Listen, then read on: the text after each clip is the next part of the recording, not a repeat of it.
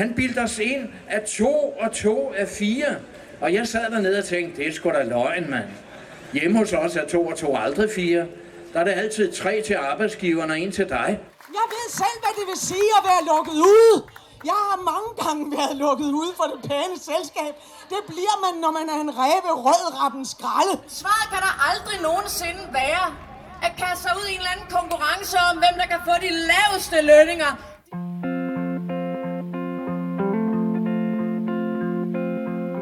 Vi kender 1. maj som en festlig fridag med taler, faner i gaderne, sang, musik, slagord og øl til at slukke tørsten. Men der er helt andre boller på suppen, da Fælledparken og mange andre steder i landet første gang lægger jord til en 1. maj-fejring i 1890.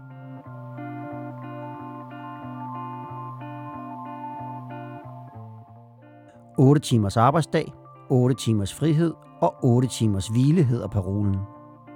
Men det handler om meget mere end arbejdstid. Den første 1. maj er en verdensomspændende vækkelse i den arbejdende klasse, der forlanger frihed og retten til et anstændigt liv. Frihed til at, at, at, at være et menneske. Øh, det, det var svært at se, at man havde den frihed, når man skulle arbejde fra 6 morgen til 7 aften på fabrikken. Ikke? I den her særudgave af Arbejde Arbejde kan du høre historien om 1. maj fra den spæde begyndelse i 1890 igennem krisetider og opture og frem til i dag. Mit navn er Morten Olsen, og kvinden, du hørte lige før, hedder Margit Bæk Vildstrup og er samlingschef på Arbejdermuseet. Hende kommer du til at høre meget mere til. Du skal også møde Flemming Hemmersham, der er ekspert i arbejderfolklore og forfatter til en bog om den allerførste 1. maj. Mænd og kvinde, lige løn for lige arbejde. Hvad siger du så? Og så skal du møde Lars K. Christensen, der er historiker på museerne i Helsingør og i mange år har beskæftiget sig med arbejdernes historie. Altså 1. maj handler om, øh, om taler og paroler, men det handler også om fadøl og hoppeborg, ikke?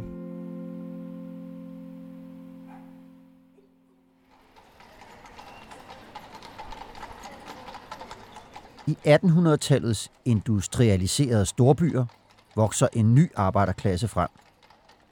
Men livet som arbejder er langt fra morsomt. De arbejder seks dage om ugen, Den gennemsnitlige arbejdsdag er omkring 11 timer, og nogen arbejder 16-18 timer om dagen. Lønnen er ikke til at leve af for en hel familie, så kvinder og børn må hjælpe til, for at almindelige familier kan tjene til et eksistensminimum den her arbejderklasse, der vokser frem i byen, har jo nærmest ingen rettigheder. Der er jo ingen arbejdsmiljølovgivning. Der er ingenting, der kan ligesom sætte en, en ramme ned over den udnyttelse, der var af, af arbejdskraften. Øhm, så øh, 8 timers arbejdsdagen var jo bare en af mange krav, man stillede frem. Øh, det handlede om at få en løn, man kunne leve af. Det handlede om ikke at blive... Øh, øh, øh, hvad hedder sådan, øh, ikke at blive, blive kropsligt nedbrudt af at tage på arbejde. Det var sværere at komme igennem med lønkravene. Øh, og der, der, der mente man altså, at, øh, at det her med at få en nedsat arbejdstid, så ville være et krav, man, man trods alt bedre kunne få ført igennem.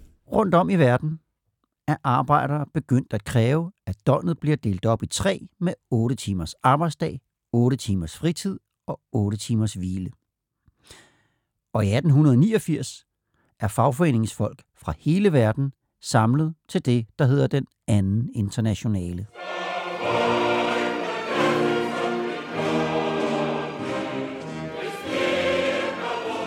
Det er en kongres, der skal forene verdens arbejdere. Ja, faktisk så er der to forskellige kongresser. For selvom de kæmper for den samme sag, så er der en splittelse i bevægelsen, som vil vare ved mange år endnu. Der er en fløj med syndikalister, der mener, man skal strejke, blokere og kæmpe sig til magten. Og så er der en mere reformvenlig fløj, der mener, at man får mest ud af at søge demokratisk indflydelse – Men noget kan de blive enige om.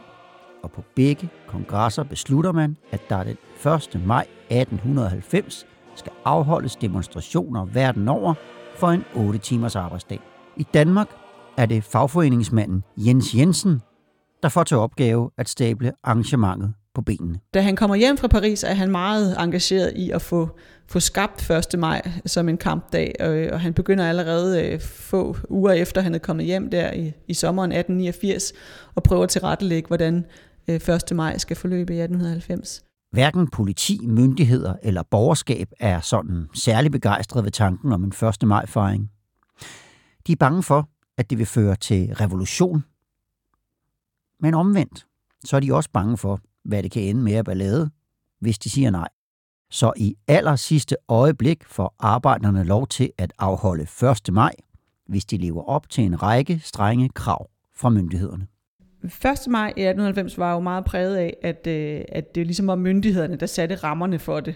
Øh, man havde godt nok øh, jo fået ytringsfrihed og forsamlingsfrihed med grundloven i 1848-49, men, øh, men det var jo en øh, lov, der havde mange, øh, mange gange var blevet øh, ligesom knægtet af, at man, man frygtede optøjer og alt muligt andet, øh, og derfor slog hårdt ned øh, på øh, for eksempel arbejderklassen, når de forsøgte at samle sig. Øhm, og derfor var 1. maj også en dag, hvor der var masser af regulativer, der skulle følges for den her arbejderklasse, der forsøgte at, at, at lave en kampdag. Øh, for eksempel havde øh, politimyndighederne givet tilladelse til, at man måtte mødes ude i fældeparken, men de havde så sat øh, ligesom bestemt formen for, hvordan man måtte mødes. For eksempel, at man kun måtte mødes fra klokken 3 til klokken 6.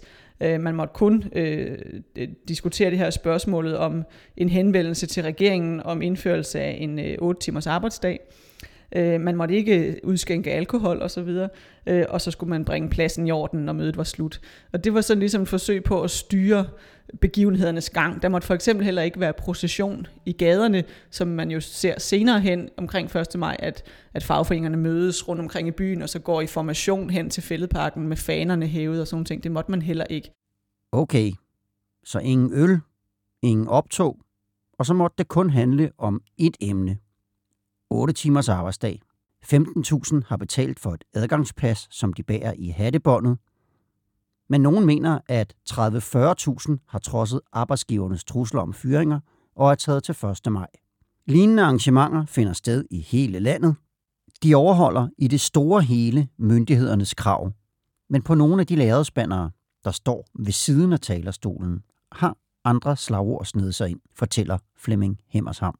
Afskaffelse af hjemmearbejde.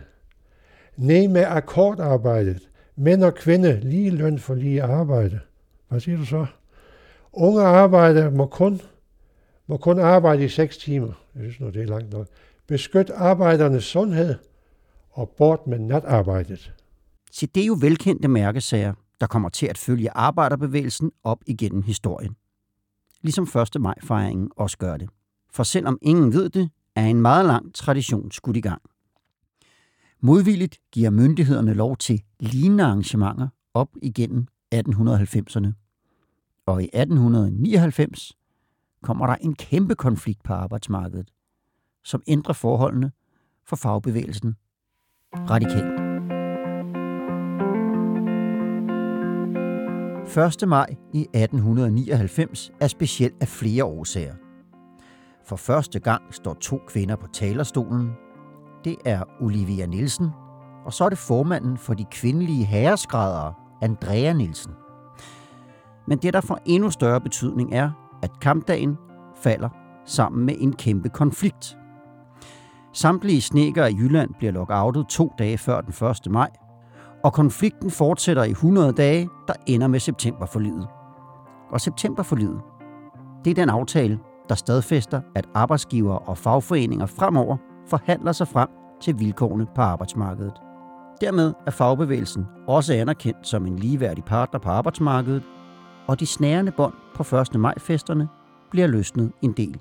Selvom der stadigvæk visse steder er forbud mod at folde de røde faner ud, for eksempel, og nogle steder, jeg mener det er Aalborg, der er krav om, at man skal have Dannebro forrest i optoget, og man må ikke synge socialistiske sange og sådan nogle ting, så bliver det jo meget mere en, øh, en, sådan en 1. maj, som vi kender det i de senere år, altså hvor man går i de her optog, og fra 1905 går man også i det her stjerne øh, optog, hvor man ligesom mødes ude i de enkelte fagforeninger, og så går i formation ind til et samlet øh, punkt efterfølgende og fejre 1. maj. Men så var der jo lige det der med, at fagbevægelsen var splittet i to. Den syndikalistiske og reformvenlige fløj. En ny organisation, der hedder Fagoppositionens Sammenslutning, samler syndikalisterne til deres egen 1. maj. Så i 1911 afholder de to fløje for første gang hver deres 1. maj. Og sådan fortsætter det op igennem 10'erne. Under 1. verdenskrig, der, der markerer den øh, almindelige øh, øh socialdemokratiske arbejderbevægelse slet ikke 1. maj. Det overlader man til ungdomsbevægelserne. Øhm, og, øh, og der kommer den oppos- venstreoppositionen virkelig på banen omkring 1. maj-fejringerne. Og i 1919, øh, der oplever man for første gang, at, øh, at i København, der er venstreoppositionens, altså fagoppositionens sammenslutnings, altså syndikalisternes øh, 1. maj-demonstration større end Socialdemokraternes. Øh, så det er jo et, et alvorligt udtryk for Socialdemokraterne af, at de er presset øh, fra venstre. Men der er noget, syndikalister og socialdemokrater kan glæde sig over sammen. For i 1919 bliver den 8 timers arbejdsdag indført, og det var jo den, der var det helt store tema, da 1. maj blev stablet på benene i sin tid. Men nu handler det om meget mere, og de interne spændinger i fagbevægelsen vokser. Socialdemokraterne synes, at syndikalisterne, der mest er kommunister og socialister, er nogle revolutionære ballademager. Og omvendt synes syndikalisterne, at den socialdemokratiske reformvenlige fløj er ved at blive nogle borgerlige bløddyr. Splittelsesmager og socialfascister kalder de hinanden. Musikalsk blev en af de helt store 1. majslager født i 1923. Og den bliver nærmest synonym med kampdagen. Når jeg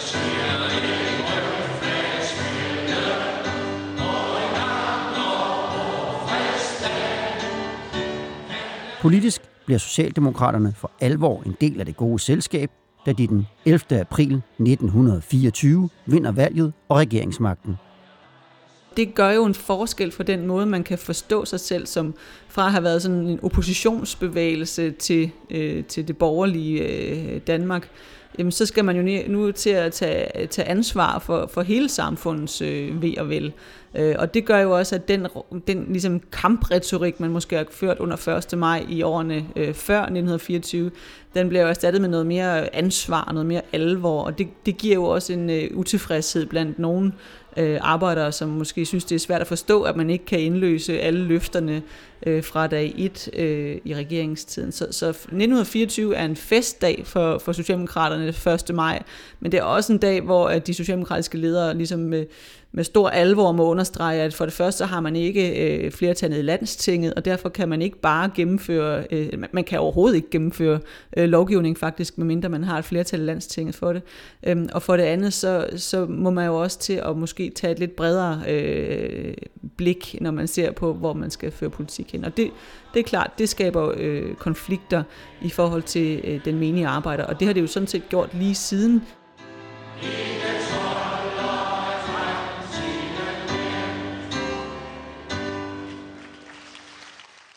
Vi spoler tiden frem til 1. maj 1940, hvor de to fløje finder en fælles fjende.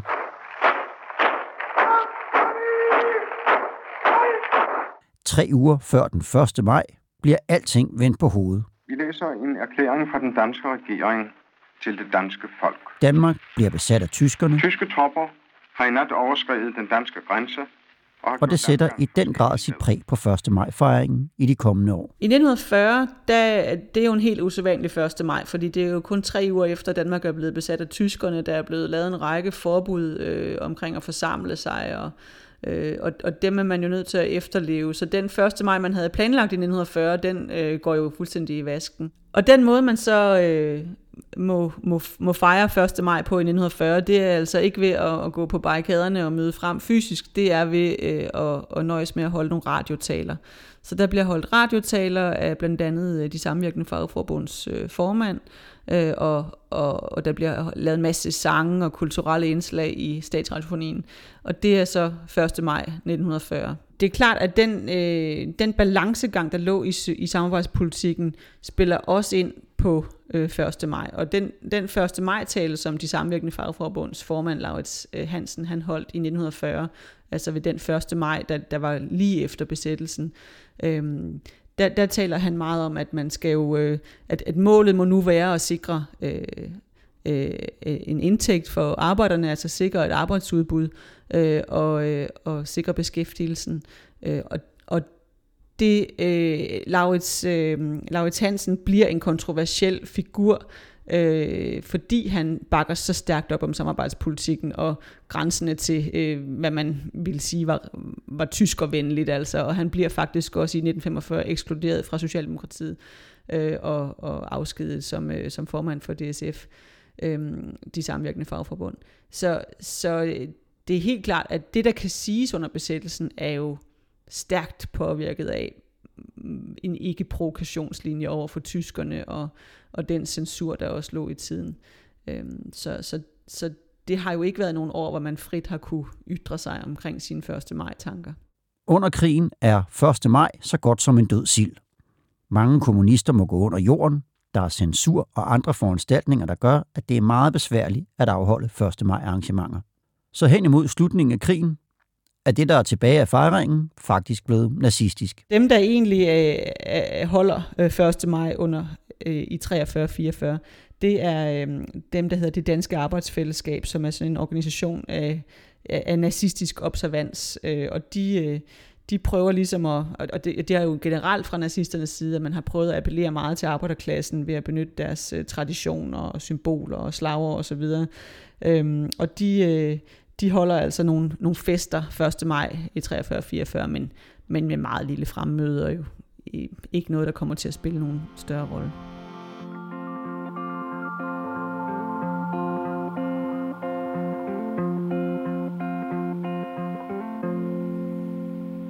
Men alt det ændrer sig selvfølgelig efter krigen, fortæller Lars K. Christensen. Stemningen efter øh, befrielsen i, øh, i maj 45. Den falder jo lige efter 1. maj, kan man sige, så der bliver jo ikke nogen 1. maj i 45. Øh, den, den er sådan næsten helt øh, euforisk. Ikke? Altså nu har vi endelig, nu er landet blevet frit, og, øh, og i arbejderbevægelsen er der sådan en, øh, en, en holdning om, at nu skal vi have indhentet det forsømte. Ikke? Der har været strækkeforbud under krigen, og der har været øh, hvad hedder det, faldende realløn osv. Og der er også en stemning om, at øh, arbejderpartierne skal til at, at arbejde sammen. Øh, kommunisterne er blevet voldsomt styrket på grund af deres øh, indsats i, øh, i modstandskampen, og, og, og, øh, og Socialdemokratiet er gået lidt tilbage på grund af samarbejdspolitikken. Og faktisk hen over sommeren 1945 er der forhandlinger på topplan mellem kommunisterne og Socialdemokraterne om at lægge de to partier sammen. Og det bliver så ikke til noget, men det er faktisk en ret populær idé ude på arbejdspladserne. Og selvom øh, man så begynder at skændes, det, det ikke bliver til noget, man begynder at skændes om, vi skyldige er, det ikke bliver til noget, så der, da vi så kommer frem til 1. maj 46, som er det første frie 1. maj igen, øh, der er der så mange, der siger, jamen vi må da i det mindste kunne holde 1. maj sammen. Men øh, det mislykkes også. Øh, fællesorganisationerne rundt omkring øh, i, i de store byer, de, øh, de indkalder til 1. maj demonstration, men de... Øh, de, må, må undtagelse af Aalborg, hvor, de, hvor det er kommunisternes øh, formand Axel Larsen, der bliver indbudt til at tale, øh, og Socialdemokraterne i Aalborg derfor holder deres egen 1. maj, så, så bliver det socialdemokratiske taler ved alle 1. maj arrangementerne. Og kommunisterne, de er sådan lidt, Nå, hvad fanden gør vi så? Vi vil heller ikke beskyldes for at splitte, så de holder faktisk ikke nogen 1. maj øh, i København i 1946. Øh, og den 1. maj i, øh, i 1946 bliver jo den trælsaffære, altså det, det, det styrt regner hele dagen, øh, næsten symbolsk. Den kolde krig lukker definitivt linjen imellem de to fløje, og i de kommende mange år er 1. maj mere eller mindre et socialdemokratisk anlæggende. Og det går godt i Danmark. Velstanden stiger, kvinder kommer på arbejdsmarkedet, mange får parcelhus, bil og farvefjernsyn, og tiden er måske løbet lidt fra 1. maj. I 1960 fører Socialdemokratiet øh, valgkamp på parolen øh, Gør gode tider bedre, deres, øh, en af deres valgplakater består af sådan et billede af en lykkelig familie, der sidder og kigger fjernsyn, fordi fjernsyn er ligesom symbolet på, nu, er alle, nu begynder alle at få fjernsyn, det er ligesom symbolet på, at nu, nu er der gang i den igen, nu kan vi få, nu kan vi få varer, vi kan få forbrugsgode osv. osv. Og så falmer den der idé om, at man skal have en kampdag jo lidt. Og den falmer mere og mere op igennem 60'erne. Og man prøver sådan lidt at, at inkorporere, samtidig med 1. maj, så har man haft en tradition for at holde noget, der hedder Fanes Fest, det er sådan mere sådan, sådan sjov ballade, øh, hvor, hvor de forskellige fag, de kommer, de møder op i deres arbejdstøj, altså muren i deres hvide kitler og bagerne med deres høje hatte og sådan noget. Ikke? Og så har man forskellige konkurrencer, hvor man trækker tårer og løber, løber sækkevedløb og sådan noget øh, og samler ind til børnenes kontor. Og det er alt sammen vældig festligt. Og nogle af de der elementer, dem trækker man så faktisk over i 1. maj, så det også bliver sådan et eller andet, altså det, det bliver mere sådan en, en festdag, øh, hvor, man, hvor der er sjov og ballade. Men det, det æbber ud. Og i 1969 løber man så ind i muren, kan man sige. Det er det, er det første år, hvor Socialdemokratiet dropper at holde 1. maj i Fælleparken i København. Fordi man kan simpelthen ikke trække folk til. Øh, og, og der kan man sige, der står man lidt i en situation, hvor man kan sige, jamen har, har velfærdsstaten hævet tæppet væk under 1. maj? Er der ingen, der gider at gå til arbejdernes kampdag længere, fordi nu har vi jo fået det hele? Men det, som Socialdemokraterne ikke kan, det går rigtig fint for andre på venstrefløjen. Så det er de nye partier, SF, Venstresocialisterne og Kommunisterne, der får givet 1. maj kunstigt åndedræt og fylder fældeparken i København igen. Fra Socialdemokratiets side beslutter man sig så for, at ja, hvis vi ikke kan fylde fældeparken op, så kan vi vel fylde Rådhuspladsen op og øh, i København. Og, øh, og der, begy- der begynder man så at holde 1. maj øh, møder på, på Rådhuspladsen. Og der midt i, øh, midt i, øh, i, i 70'erne, der er vi så i en situation, hvor, hvor Socialdemokraterne holder øh, 1. Maj på, øh, på Rådhuspladsen, og de trækker måske 5, 6, 7.000 mennesker. Hvorimod øh, kommunisterne, de holder stjernedemonstrationen øh, fra forskellige steder i byen og samles i fældeparken og er 30-40.000. Og det kan man sige, altså alle, alle de, alle de øh, politiske uenigheder ufortalt, altså så siger det noget om, at, at, at på venstrefløjen er man lidt bedre til at mobilisere og lidt bedre til at få folk øh, afsted, end man er i, øh, i Socialdemokratiet. Og resultatet er, at Socialdemokraterne flytter sig tilbage til, til, til, til fældeparken igen, fordi det er trods alt for pinligt, det her.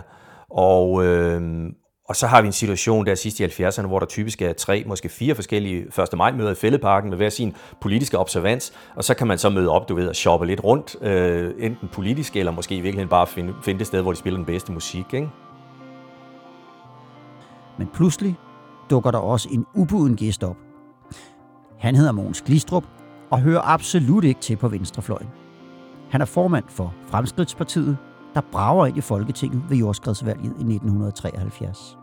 I 1981 der besluttede Mogens Glistrup, som jo var kommet på banen med Fremskridtspartiet, sig for, at øh, han ville da også være en del af 1. maj.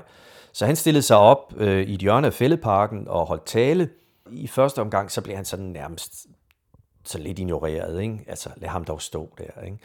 Men, øh, men til sidst var der altså nogen, der tabte tålmodigheden, så da han stillede sig op i 1983, så blev han faktisk angrebet med æg og, og maling, som blev kastet efter ham, og han blev, han blev tvunget til at, at, at skride ud af fældeparken, og så fik han det her martyrium, som han nok i virkeligheden også måske var lidt ude efter at, at få. Altså, det var jo helt tydeligt en provokation at stille sig op, øh, og han har jo givetvis også, som jeg siger, han har jo givetvis også øh, næsten håbet på at få sådan et, et slags øh, martyrium, fordi det, det gav jo overskrifter. Ja, overskrifter, det trak det masser af.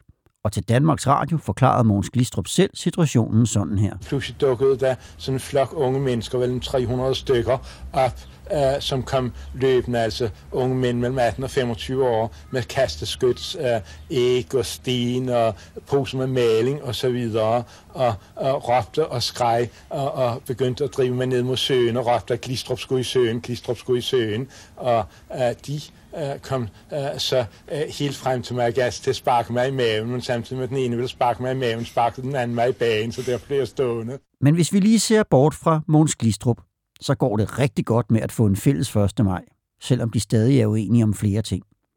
Især EU-spørgsmålet skiller Socialdemokraterne fra resten af venstrefløjen. Til gengæld har de fået en fælles fjende i Slytterregeringen, der er den første borgerlige regering siden 1925, der kommer til at sidde i en længere årrække. Og i slutningen af 80'erne, der finder 1. maj den form, vi kender i dag. Fældeparken kan igen samle over 100.000 mennesker, og i 1987 er det fællesorganisationen af københavnske fagforeninger, der kalder til fest i Fældeparken. Da alle politiske kræfter i arbejderbevægelsen, sådan set, altså i hvert fald alle de betydende, øh, i hvert fald med på at, at slutte op om det.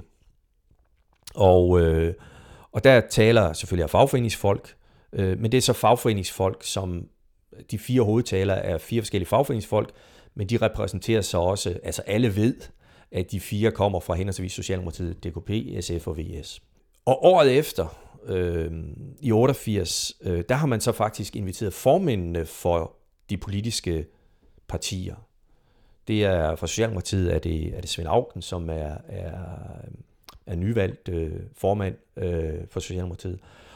Og det er, jeg tror det er første gang, i hvert fald siden besættelsen, og muligvis første gang i det her århundrede, at der står en socialdemokrat og formænd for venstrefløjspartierne på samme talerstol. Øhm, dermed så fik 1. Øh, maj jo en form, i hvert fald i København, men, øh, men det er også den form, det får øh, med lidt forskydninger rundt omkring i, i, i andre af de store byer, den form, som vi jo i virkeligheden kender i dag.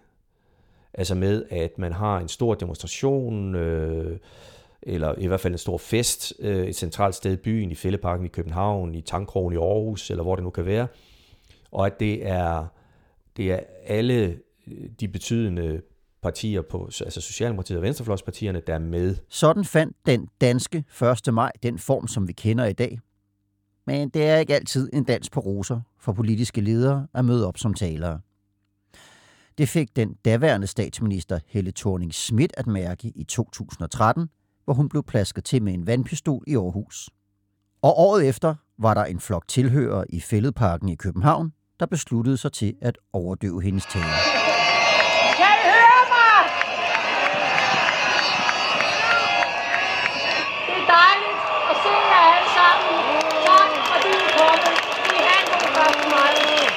1. maj.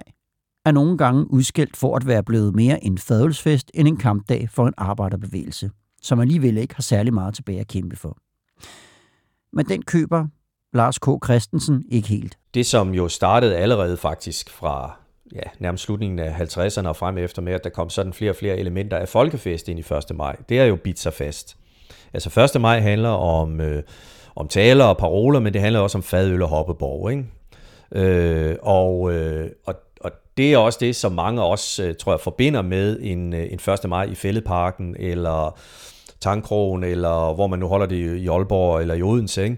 Men der er jo rigtig mange, der også deltager i morgenmøderne 1. maj. Altså, det er jo en vigtig del af 1. maj-traditionen også. Det er det med, at man mødes om morgenen, nogle gange meget tidligt om morgenen, i sin fagforening, eller hvis man er medlem af et parti, i sin partiforening. Øh, og så har man taler der, og synger lidt sanger osv.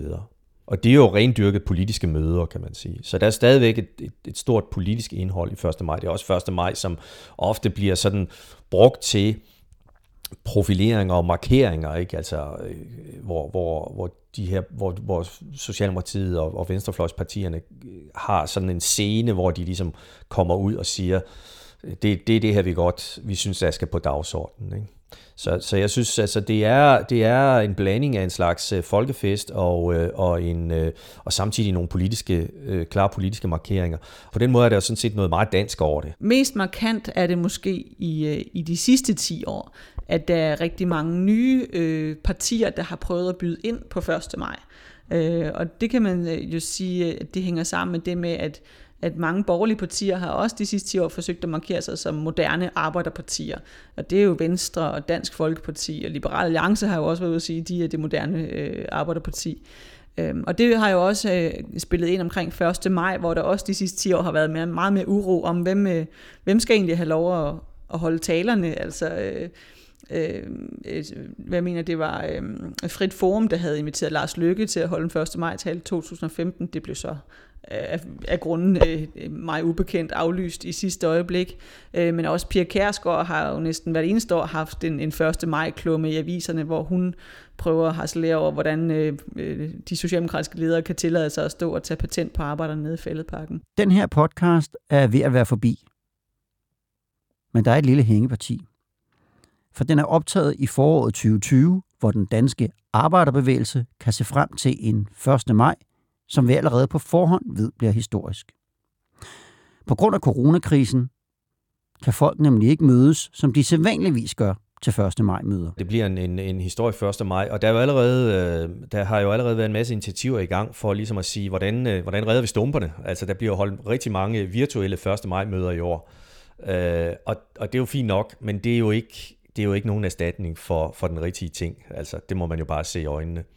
Øh, omvendt kan man så sige, at, øh, det er måske også sådan en, en tænkepause, hvor man så kan tænke lidt over, hvordan skal 1. maj udvikle sig. Fordi selvom man kan sige, at øh, det jo egentlig på mange måder går meget godt for 1. maj øh, traditionen i Danmark, så skal den jo videreudvikle sig.